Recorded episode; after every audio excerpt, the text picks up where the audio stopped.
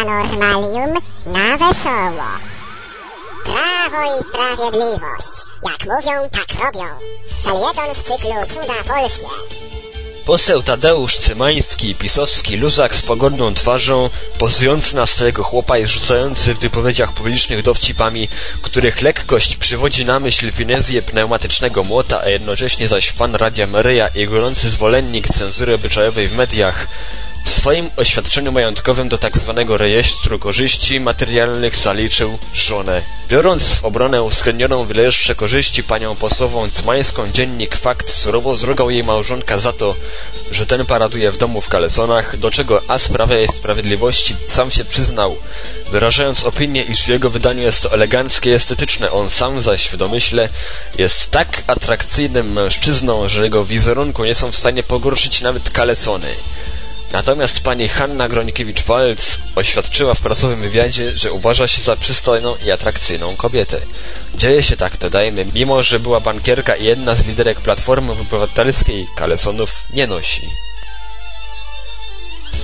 Zakaz palenia m.in. w parkach i na ulicach, inaczej mówiąc wszędzie, chce wprowadzić poseł... Zgadnijcie jaki. Ależ oczywiście chodzi o niezmordowanego Tadeusza Cymańskiego, który w zaciszu parlamentarnych gabinetów piechci już pracowicie projekt stosownej ustawy. Ze swej strony uważamy, że parlamentarzyście Prawa i Sprawiedliwości warto pozwolić chodzić w kalesonach wszędzie, a nie tylko po domu, byle już nie zajmował się niczym innym. Do Polski przyjechała delegacja Koreańczyków, niskiego niestety wzrostu oraz szczebla, Delegacji stamtąd przybywa ostatnio wiele, ta jednak miała pecha, bo zjawiła się w poniedziałek 1 maja, kiedy cały kraj świętował i z gośćmi z Azji nie miał kto gadać. Koreańczycy odczekali cierpliwie dobę, ale wtedy okazało się, że we wtorek 2 maja wprawdzie nie ma święta, ale potencjalni rozmówcy wzięli sobie wolne w związku z tym, że w środę 3 maja przypadała kolejna laba.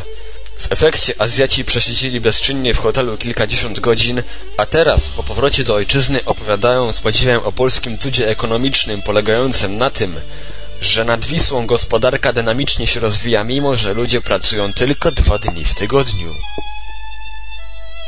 Pewna kioskarka z Olsztyna, Ewa Marciniak, wpadła na pomysł, co robić, żeby w Olsztynie rodziło się więcej dzieci. Mianowicie sprzedaje uszkodzone prezerwatywy. Ten rok jest dobry dla miasta pod względem przyrostu. Miesięcznie średnio rodzi się 130 dzieci. W zeszłym rodziło się miesięcznie średnio 120, czyli jest wzrost aż o 10 urodzeń, mówi Anna Szpaderska, rzecznik prasowy Urzędu Miasta w Olsztynie.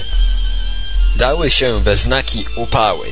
W związku z datą 6 czerwca 2006, kojarzącą się niektórym z liczbą 666, w wypowiedzi dla Super Expressu wróżka Akima poradziła, by tego dnia unikać czarnych kotów, nie przychodzić pod drabinami i uważać, by nie stłuc lustra.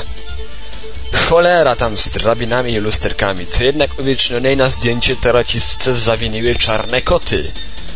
Wygląda na to, że zamiast nich lepiej omijać wróżkę Akimę z jej radami. Złotą pałką w styczniu 2006 roku uhonorowano byłego zastępcę komendanta głównego policji, którego przyłapano w supermarkecie na próbie kradzieży ładowarki do komórki. A oto epizod z cyklu Niezniszczalne matołectwo polskie – Inspekcja Transportu Drogowego jednorazowo zaangażowała do kontroli poruszających się po stolicy pojazdów kandydatkę Miss World 2006 z pochodzenia Islandkę o nazwisku, którego nie da się wymówić, a już zwłaszcza poprawnie zapisać. Nieznająca ani jednego polskiego słowa piękna miska na wysokich obcasach snuła się po jezdniach głównie po to, by pozować zachwyconym fotoreporterom. Natomiast zatrzymywani przez islandzką laskę w towarzystwie dzielnych inspektorów kierowcy popadali w stan osłupienia, który tylko wskutek szczęśliwego zbiegu okoliczności nie skończył się serią groźnych wypadków. W Ministerstwie Gospodarki w resortowych kiblach zlikwidowano pozytywki w pisuarach. Pozytywki po naciśnięciu spustu wody wygrywały przyjemne melodyjki, których możliwości wysłuchania osoby sikające w ministerstwie są obecnie z niewiadomych przyczyn pozbawione. Źródłem tych i innych bardzo ciekawych informacji stanowiących tworzywo cudów polskich Anno Domini 2006 zebranych przez redakcję Nieznanego Świata były gazety codzienne, a w tym zwłaszcza Fakt, Super Express, Gazeta Wyborcza i Dziennik Polska, Świat, Europa. Przygotował zespół Nieznanego Świata i współpracowników pisma. Paranormalium na wesoło. A teraz coś z cyklu Cuda Polskie. Autentyczne wystąpienie sejmowe posłanki Ewy Sowińskiej. Zgadnijcie Państwo, jaką partię pani Sowińska reprezentuje. Zwycięski plemnik pozbywa się swojej witki. Potem niezauważalnie dla kobiety w jedną całość łączą się jądra komórki jajowej i plemnika. Potem jeszcze kilka dni i mały gość na dobre się w niej zadomowi. Teraz nie ma czasu na odpoczynek. Zmiany zachodzą z godziny na godzinę, szybko i ściśle według planu. Komórki zaczynają się różnicować. Z jednych powstanie serce, z innych mięśnie, a z jeszcze innych włosy i układ nerwowy. Dopiero w około dwa tygodnie po zapłodnieniu hormony dają kobiecie znaki, że w jej ciele zachodzą zmiany. Niewiarygodny fakt. W łonie mamy zamieszkał mały człowiek.